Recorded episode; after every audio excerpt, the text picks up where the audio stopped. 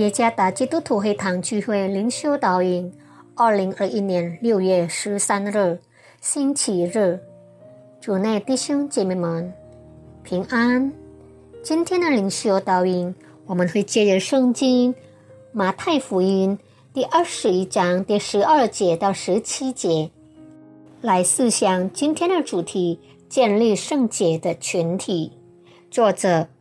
是爱家传道，马太福音第二十一节到十七节，耶稣进了神的殿，赶出店里一切做买卖的人，推倒兑换银钱之人的桌子和卖鸽子之人的凳子，对他们说：“经上记着说，我的殿必称为祷告的殿，你们倒使它成为贼窝了。”在店里有瞎子、瘸子，到耶稣跟前，他就治好了他们。祭司长和文士看见耶稣所行的奇事，又见小孩子在店里喊着说：“赫萨那贵于大卫的子孙”，就生恼怒，对他说：“这些人所说的，你听见了吗？”耶稣说。是的，经上说，你从婴孩和车奶的口中完全了赞美的话，你们没有念过吗？于是离开他们，出城到波达尼去，在那里住宿。我们是否还记得？我是教会，你也是教会，我们都是教会。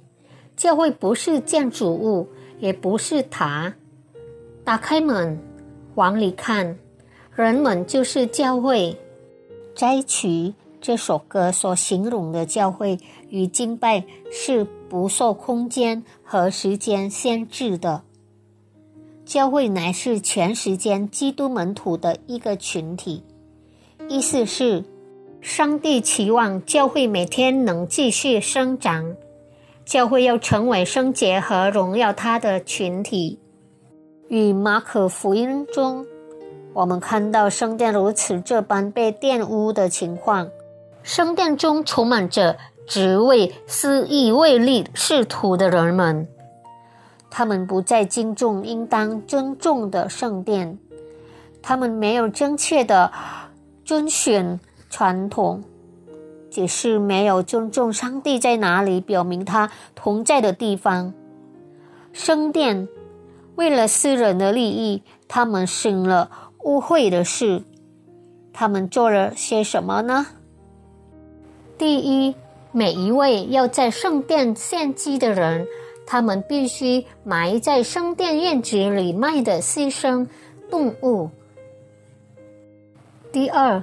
犹太人在圣殿献祭时拒绝使用罗马钱币，因此若有血带有罗马钱币，可以与圣殿兑换成犹太钱币。他们的所作所为惹怒了耶稣，耶稣生气不是因为做买卖，乃是因为他们抢夺了上帝的荣耀。耶稣很严厉的说。你们倒把圣殿成为贼窝了。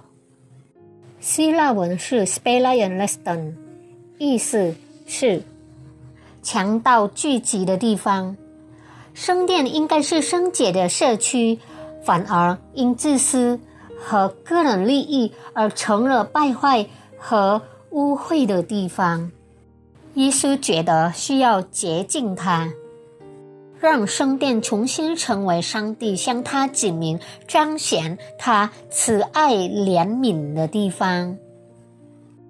教会也必须成为人与神相遇、会面的地方，是一个他们想要感受和经历上帝作为、被最捆绑的人能得自由的地方。我们是蒙上帝呼召神的子民，是如何让教会能发挥其应有作为的代理人，促使教会按照上帝的圣言行事，是我们身为基督肢体应尽的任务。我们必须使教会恢复其应有的功能。故此，至终我们能成为向他人传达上帝爱的管道。这一切都是为了荣耀上帝的名。圣洁的群体乃是不以自己的益处为先，而是以主的事为重，且超过一切。愿上帝赐福大家。